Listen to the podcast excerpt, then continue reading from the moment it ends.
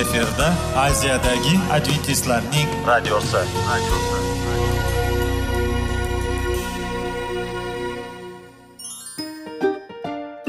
Assalomu alaykum aziz radio tinglovchilar.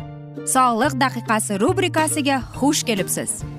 Zero tananing sog'lom bo'lishi va uning kasalliklardan saqlash har bir insonning burchi hisoblanadi. Inson uchun bebaho boylik bu sog'liq salomatlikdir.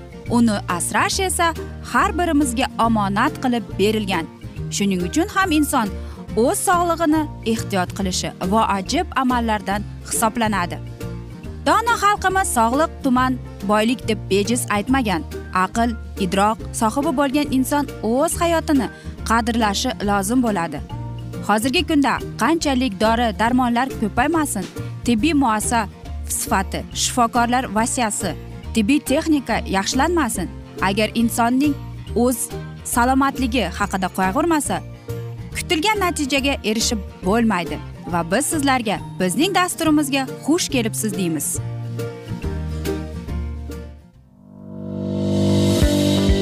Sog'liq daqiqasi soliqning kaliti qiziqarli ma'lumotlar faktlar.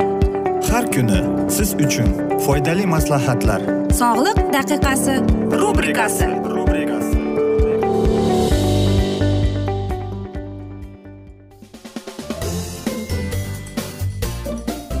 assalomu alaykum aziz radio tinglovchilar. Dasturimizga xush kelibsiz va biz sizlar bilan tana va sog'liq degan dasturda xushvaqt bo'ling deb aytamiz. Va bizning bugungi dasturimizning mavzusi bu mol suti. Albatta mol sutining foyda va zararlari haqida hammamiz ham bilamiz. Lekin bugungi dasturimizda aynan nega uni me'yorida iste'mol qilish kerak va uning qanday foydali tomonlari bor haqida biz sizlarga so'zlab beramiz. Sigir suti boshqa hayvonlar sutiga nisbatan ancha keng tarqalgan. Har bir oilaning e, aytaylik dasturxonida deyarli har kuni shov shaklda yoki undan ishlab chiqarilgan oziq ovqat e, mahsulotlari ya'ni pishloq sariyog' yogurt yoki qatiq mavjud bo'ladi. Sigir suti inson ratsioniga kirganida aytish qiyin ammo ko'plab olimlar yetti ming yil oldin bo'lgan deb aytishadi. Odamlar nafaqat bu mahsulotni ishlatilishgan balki uni fermentlangan sut mahsulotlarini shu jumladan pishloqlarni ham ishlatilgan. Bugungi kunda sigir suti muhim oziq ovqat mahsuloti hisoblanadi.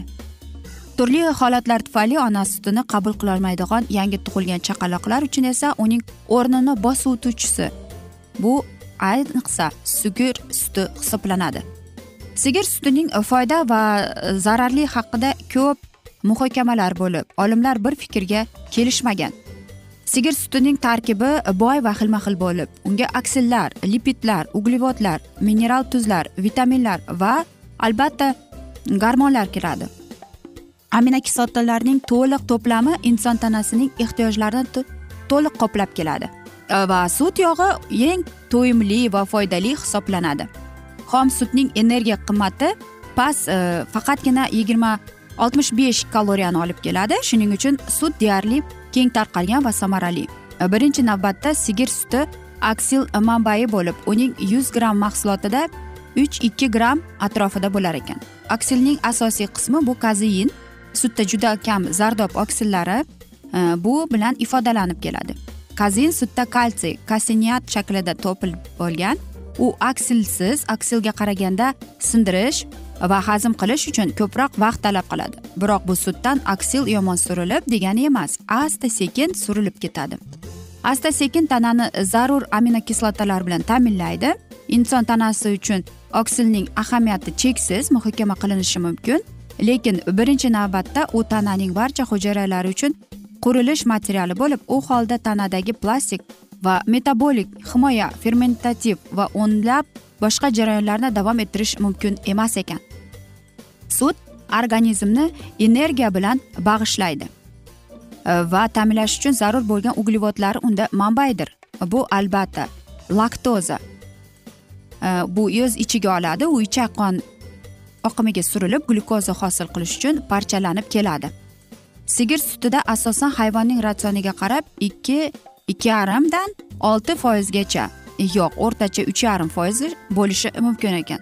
Bular asosan to'yingan yog' kislotasidir so'nggi paytlarda ularning zarari haqida shu qadar ko'p gapirilganki har bir inson organizm uchun hayotiy ekanligini unutib qo'ygan. To'yingan kislotalar ham uning energiya manbalaridan bo'lib ular hujayra membralari qurilishida va gormonlar sintezida ishtirok etadi. Sigir sutini parhez mahsulotini tayyorlash uchun undan yog' chiqariladi va do'konlarda butunlay yog'sizlantirgan sutni topish mumkin. Bu tabiiy ichimlik.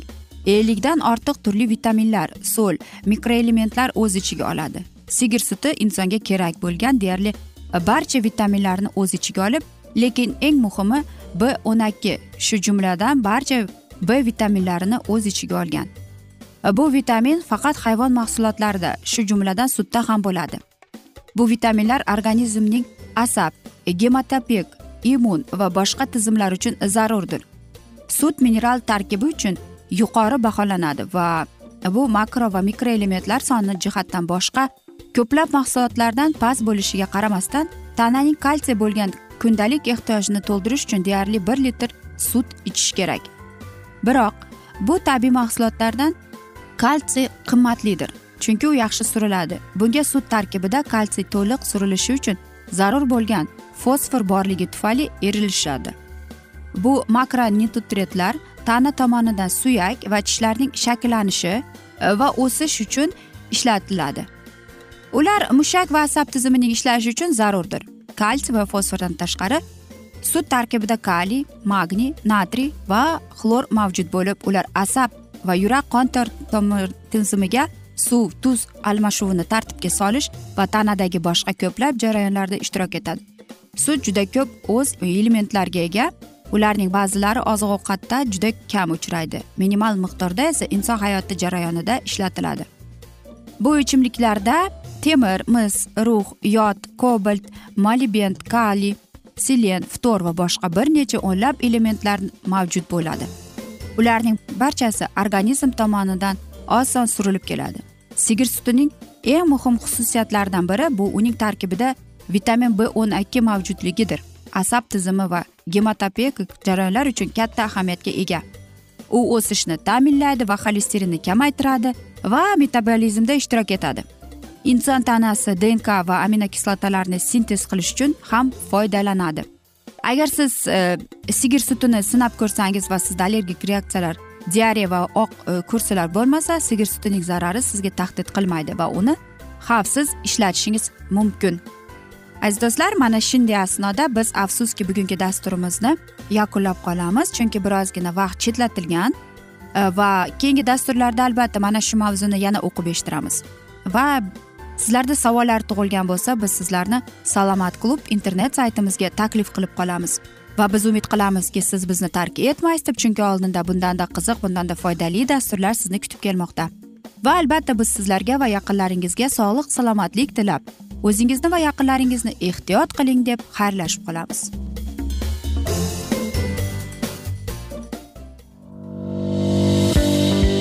Sog'liq daqiqasi soliqning kaliti qiziqarli ma'lumotlar faktlar. Har kuni siz uchun foydali maslahatlar.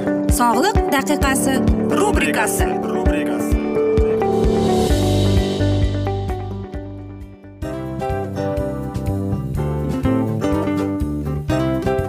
mana ha hayotda hamma narsaning yaxshi narsalar tugaydi va yakunlaydi degandek bizning dasturimizga ham yakun keldi. O'ylaymanki bizning dasturimiz sizga foydali bo'ldi deb aziz radio tinglovchimiz. Va siz o'zingiz uchun kerakli xulosalar kerakli maslahatlar olib oldingiz. Aziz radio tinglovchimiz biz bilan qoling va keyingi dasturlarimiz albatta undanda qiziqroq bo'ladi. Mana shu alfozda sizlar bilan xayrlashib qolaman.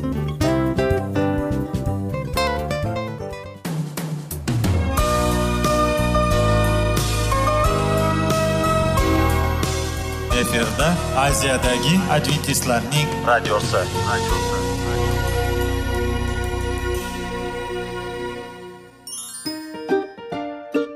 assalomu alaykum aziz radio tinglovchilarimiz dil izhori dasturimizga xush kelibsiz pul insonni baxtli qiladimi albatta yo'q sog'liqchi albatta bo'lishi mumkindir lekin olimlar shuni isbotlashdiki to'liq va mukammal munosabatlar insonlarni baxtli qilar ekan. Albatta biz hayot davomida biz yaqin insonlar bilan odamlar bilan aloqada bo'lamiz va ular bilan munosabatlarimiz qanday kechadi qanday tuziladi? Yigit va qiz er va xotin ota ona va farzandlar va yaqin insonlar bilan. Balkim hozirgi vaqtda kimnidir hayoti yoki munosabatlari buzilyapti. Va bizning dasturlarimiz ularga yordam bo'ladi deb. Va oldinda sizlarni qiziqarli intervyular va mavzular kutyapti va biz umid qilamizki siz biz bilan qolasiz deb.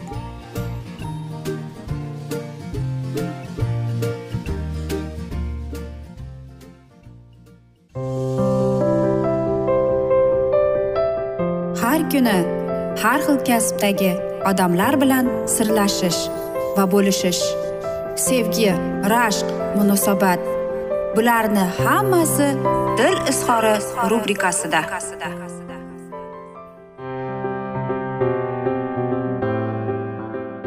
Assalomu alaykum aziz radio tinglovchilar. Dasturimizga xush kelibsiz va biz sizlar bilan erkaklar marsdan ayollar veneradan degan dasturda xushvaqt bo'ling deb aytamiz va bugungi bizning dasturimizning mavzusi bu uchrashuv va hushyorlik deb nomlanadi. Keling misol qilaylik siz e, bir inson bilan tanishib qoldingiz va u sizga uchrashuv vaqt soatini belgiladi. Va mana shunday mavzuda biz o'ylaymizki hech narsa deb aytib bo'lmaymiz lekin uchrashuvda nimalar bilan shug'ullanish kerak? Doimo mo'jiza e, biz filmlarda ko'ramiz. Menga g'amxo'rlik qilish uchun vaqt yo'q deb. Va siz e, aytaylik chiroylisiz jozibadorlisiz lekin qanday bo'ladi? Qarang e, biz sizlar bilan e, mana shunday dasturlarda e, aytaylik nega hushyorlik deb atalgansiz? Masalan siz judayam go'zalsiz. U ham go'zal siz ham go'zalsiz. Va siz aytasiz nega biz o'z vaqtimizni bexosdan bo'sh ketishimiz kerak? Lekin siz aytasizki u menga g'amxo'rlik qilsin deb. Albatta siz aytasiz kim buni xohlamaydi deb? Hamma albatta. Nega? Chunki hamma sovg'alarni olishni yoqtiradi. Ularga yoqadi bu narsa. Ularga e'tibor bersa yoqadi. Ular ayniqsa ayollarimiz o'zlarini kimgadir kerak deb his etadi va albatta gullarni yoqtirishadi. Ammo lekin g'amxo'rlik degan so'z nima o'zi? Uning aytaylik ma'nosi nimada? Qarangki g'amxo'rlik qilish bu e, birovga yordam berish unga e'tiborli bo'lish unga bor e'tiboringizni qaratish. Masalan aytaylik siz birga aylanib yuribsiz. U sizga gul hadya qildi. Albatta aziz ayolimizga yoqdi. Hozirgi masalan yigirma birinchi asrda buni hech narsa bilan biz odamlarni hayron qoldirmaymiz ham. Ammo lekin bu yerda bir savol borki kim kimning orqasidan g'amxo'r bo'lishi kerak deb. Siz aytasiz qanaqa bema'ni savol deb to'g'rimi? Qarang albatta erkak kishi ayolga g'amxo'r bo'lishi kerak ekan. Bu joyda erkaklarimiz aytadiki nega? deb. Chunki bu shunday odat. Qayerda va kim bilan bu narsa kiritilgan deb aytadi aziz erkaklarimiz. Bizdan oldingi odamlar mana shunday odatlarni kiritib kelgan. Ammo lekin savol berganmidingiz o'zingizga? Qanchalik insonlar azaldan haqiqiy sevgini izlashyapti va uni topolmayapti deb. Qarang qanchalik odamlar ko'p bo'lsa ham sevgi izlayotganlarning ham soni shuncha. Shuning uchun ham ular uchrashuvga chiqishganda yoki aytaylik erkak kishi unga g'amxo'r bo'lganda nima bo'ladi? Keling e, sizlarga bir misol aytaylik. Bir yigit bir qizni uchrashuvga chaqirdi va uni kinoga taklif qildi. Albatta u qizga g'amxo'rlik qilib ko'rsatdi. Lekin qizda boshqacha xayollar paydo bo'ldi. Va mana shu joyda qiz aytdi nega menga bu o'ta ortiqcha menga e'tibor beryapti? deb va mana shu joyda aziz do'stlar bir so'z keladi bu hushyorlik. Ya'ni hushyorlik nimani anglatadi? Qarangki e, bir lug'atda men mana shu dasturni tayyorlayotganimda e, topdim. Hushyorlikni bu demak sizni aldayapti degan ekan. Ya'ni sizni aytaylik o'ynatyapti degan ekan. E, va mana shu joyda ko'p aziz ayollarimiz aytadi qanday qilib erkak kishini aldash mumkin? deb. Aziz ayollarimiz qarangki erkak kishini aldash judayam oson ekan.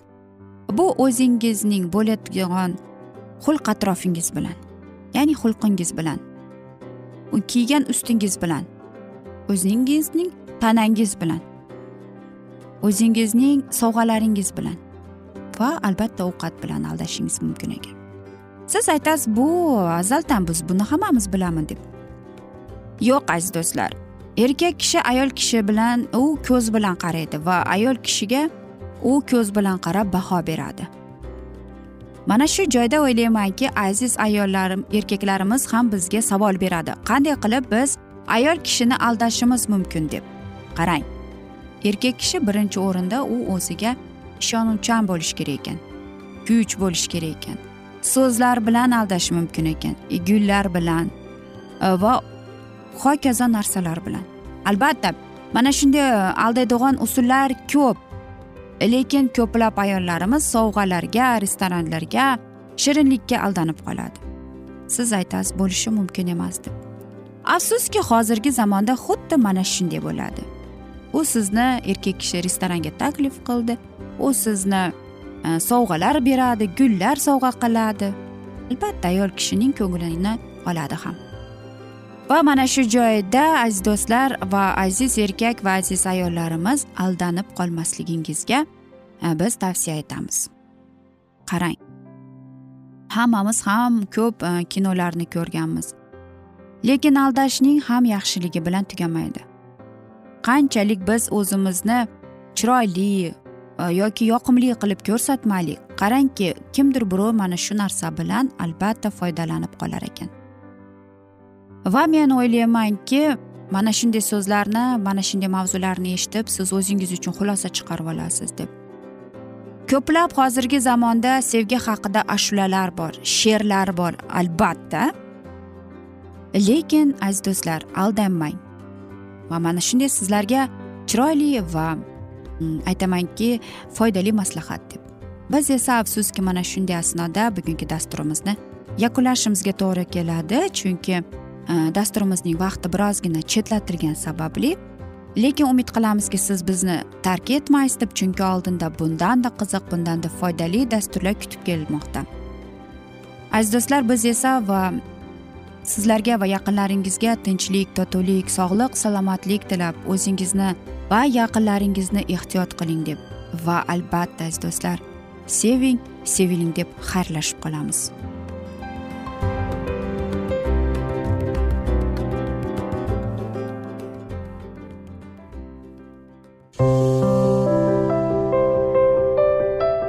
Har kuni har xil kasbdagi odamlar bilan sirlashish va bo'lishish sevgi rashq munosabat bularni hammasi dil izhori rubrikasida.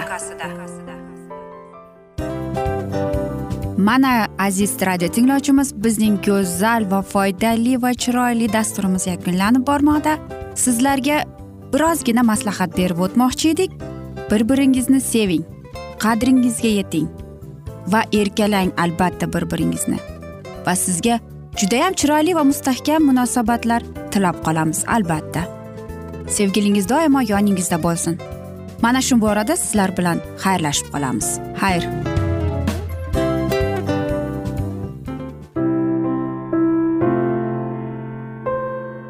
Hayotning noni. Qiziqtirgan savollar va javoblar. Buning hammasi ko'ngil uchun oziqa rubrikasida.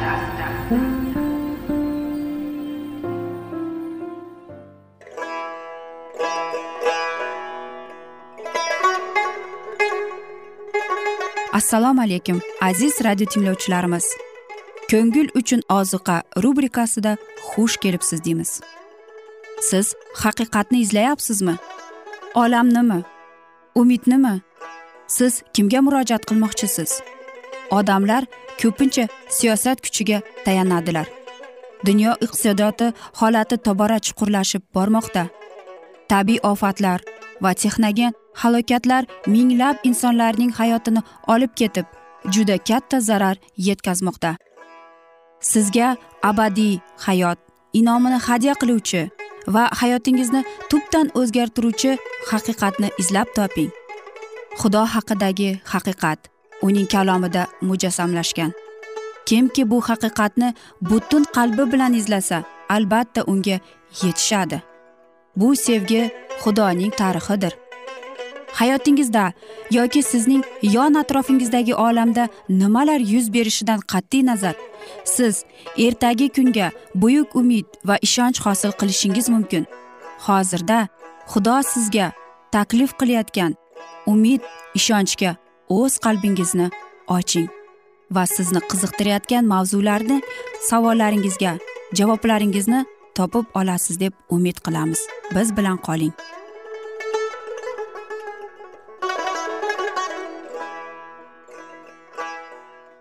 Assalomu alaykum aziz radio tinglovchilar. Dasturimizga xush kelibsiz va biz sizlar bilan ulug' kurash degan kitobni o'qib eshittirishni boshlagan edik. Va bugungi bizning dasturimizning mavzusi haqiqat himoyachilari deb nomlanadi. Kontekstdan ko'rinadiki ushbu so'zlar masihiy asrga ham taalluqlidir. Tarqalib ketgan isroil xalqini yig'adig'on egamiz rabbiy aytmoqda. U yig'imda yig'ilganlar yoniga men yana boshqalarni yig'ib kelaman. Bu so'zlarni biz ishoya kitobining ellik yettinchi bob sakkizinchi oyatida o'qishimiz mumkin. Bu yerda injil xabari majusiylarni to'planishni oldindan aytmoqda. Kim shabat kunini muqaddaslab unga rioya qilsa albatta marhamatlanishi va'da qilingan. Shuning uchun to'rtinchi amir masih xochga tortilgandan keyin ham tirilib osmonga ko'tarilgandan keyin ham o'z kuchidan qoladi va xudoning xizmatkorlariyu butun xalqlarga qutqarilishi xabarini yetkazish davriga amal qiladi. Rabbiy o'sha payg'ambar orqali deydi dalilimni o'rab bog'la shogirdlarimni orasida ta'limotni muhrla. Xudoning muhrlangan qonuni bu to'rtinchi amr boshqa to'qqizta amirdan farqli o'laroq. Aynan ana shu to'rtinchi amirda qonun chiqaruvchining ismi va unvoni bizga xabar qilingan. Ushbu amirning taqidlashicha rabbiy yer va osmonning yaratuvchisidir. Ana shundan rabbiyning izzatlash va hammadan ham unga faqat unga bo'ysunishimiz lozimligini kelib chiqadi. O'n amirdan boshqa hech qayerda qonun kimligining hokimligi bilan berilgani ko'rsatilmagan. Papa hokimiyati shabatni o'zgartirganda qonun muhri yechilgandi. To'rtinchi amirning haqiqiy holatini tiklab bu yaratuvchining muqaddas kunini va uning hokimiyatining belgisi ekanligini ko'rsatishga masihiyning shogirdlarini da'vat etdilar. Qonunga va vahiylarga murojaat qiling. Turli rang barang nazariya va ta'limotlarning mavjudligiga qaramasdan xudoning qonuni yagona mezon bo'lib qoladi. U orqali har qanday fikr ta'limot va nazariyalarning haqiqiyligi tekshirilishi kerak. Payg'ambar deydi shunday deganlarga yorliq bo'lmaydi. Yana shunday amr berildi. O'zingni tutmay qattiq hayqirgin. Karnaga o'xshab ovozingni baland ko'tar. Xalqimga itoatsizligini aytgin. Yoqub xonadoniga gunohkorligini ko'rsat. Ushbu so'zlar itoatsiz olamga tegishli emas balki yuz bergan qonunsizliklarga tanbeh. Rabbiy mening xalqim deganlarga qaratilgan. Yana u shunday deydi. Ular har kuni menga intilganday bo'ladi. Xudosining amrlarini unutmagan xalqday yo'llarimni bilmoq istaydi. Mendan odil hukm so'raydi. Men xudoga yaqinlashishni istaganga o'xshaydi. Bu yerda o'zini soliq va go'yoki rabbiyga itoatkorlik bilan xizmat qilayotganini namoyon etmoqchi bo'lgan odamlar ko'rsatilgan. Biroq barchaning qalbini yaxshi bilgan zot soxta masihiylarning qalbini qat'iylik bilan va qo'rqinchli tarzda shunaqangi fosh qilib tashlaydiki ular xudoning qonunlarini qo'pol ravishda buzganliklarini hammaga ko'rsatib beradi. Odamlar nazariga ilmagan qonun qoidalar haqida payg'ambar shunday deydi. Qadimgi vayronagarsiz qayta tiklanadi? Ko'hna poydevorlarni qayta ko'tarasiz. Shunda sizlarni buzuq devorni tiklovchi ko'chalarni qayta quruvchi deb chaqirishadi. Shabbat kunini oyoq osti qilmang. Shu muqaddas kunda xohishingizni qilishdan o'zingizni tiying. Shabbat kunini zavqli deb biling. Egamizning muqaddas kunini sharafli deb biling. Shu kunda o'zingiz istagan yo'lda yurmang. Xohlaganlaringizni qilavermang. Istagan gaplaringizni gapiravermang. Shabbat kuniga rioya qilsangiz egamiz tufayli shodlik topasiz. U sizlarni yurtning baland cho'qqilariga olib chiqadi. Ot tanangiz yoqubning mulkiga to'ydiradi. Egamizning kalami shudir. Bu basharat hozirgi davrga ham taalluqlidir. Shabat kunini almashtirib rim hokimiyati xudoning qonuniga rahna soldi. Ilohiy qonunlarni tiklash vaqti keldi. Qonundagi bo'shliqni to'ldirib ko'plab avlodlarga asos yaratish lozim. Yaratuvchi muqaddaslangan va marhamatlangan shabat kuniga odam ato nafaqat o'zining begunohligi bilan bilanbas muqaddas adan bog'ida rioya qilgan balki tubanlashib o'z gunohlari uchun tavba qildi. Hamda o'zining baxt saodatli vatanidan quvilgandan keyin ham shabbat kunining talablarini ado etdi. Shabbat kuniga barcha urug'boshilar hobildan boshlab to soliq nuh ibrohim va yoqubgacha rioya qilganlar. Talab olingan xalq misr asrligida bo'lganda u yerda hukm surayotgan butparastlik davrida ko'plab masihiylar xudoning qonuni borasidagi barcha bilimlarini unutdilar. Lekin rabbiy isroilni ozod qilgandan keyin u ulug'vor va tantanali ravishda yig'ilgan xalqqa toki ular xudoning irodasini bilishlari unga bo'ysunishlari va undan qo'rqishlari uchun o'zining qonunini e'lon qildi. O'sha paytdan boshlab to hozirgi vaqtgacha yerda xudoning qonunini bilish saqlanib qoldi. Hamda to'rtinchi amirga binoan shanba kuniga rioya qilib kelinmoqda. Garchi gunoh odam tomonidan xudoning muqaddas kunining toptalishiga yo'l qo'yilgan bo'lsa da o'sha paytda ham bu kunni muqaddas deb bilib unga yashirincha rioya qilgan odamlar ko'p bo'lgan. Islohot davridan boshlab har bir avlodda shabbat kunini ulug'lab kelgan masihiylar bo'lgan. Taqib va quvg'inlarga qaramasdan xudoning sodiq farzandlari muntazam ravishda uning qonunlarining mustahkamligi yaratuvchilik shabatiga rioya qilish va uni hurmatlash har bir insonning muqaddas burchi ekanligi haqida guvohlik berganlar. Aziz do'stlar mana shunday asnoda biz bugungi dasturimizni yakunlab qolamiz afsuski. Lekin keyingi dasturlarda albatta mana shu mavzuni yana o'qib eshittiramiz. Va sizlarda savollar tug'ilgan bo'lsa biz sizlarni adventis tochka ru internet saytimizga taklif qilib qolamiz. Va albatta sizlarga va yaqinlaringizga sog'lik salomatlik tilagan holda o'zingizni ehtiyot qiling deb xayrlashib qolamiz.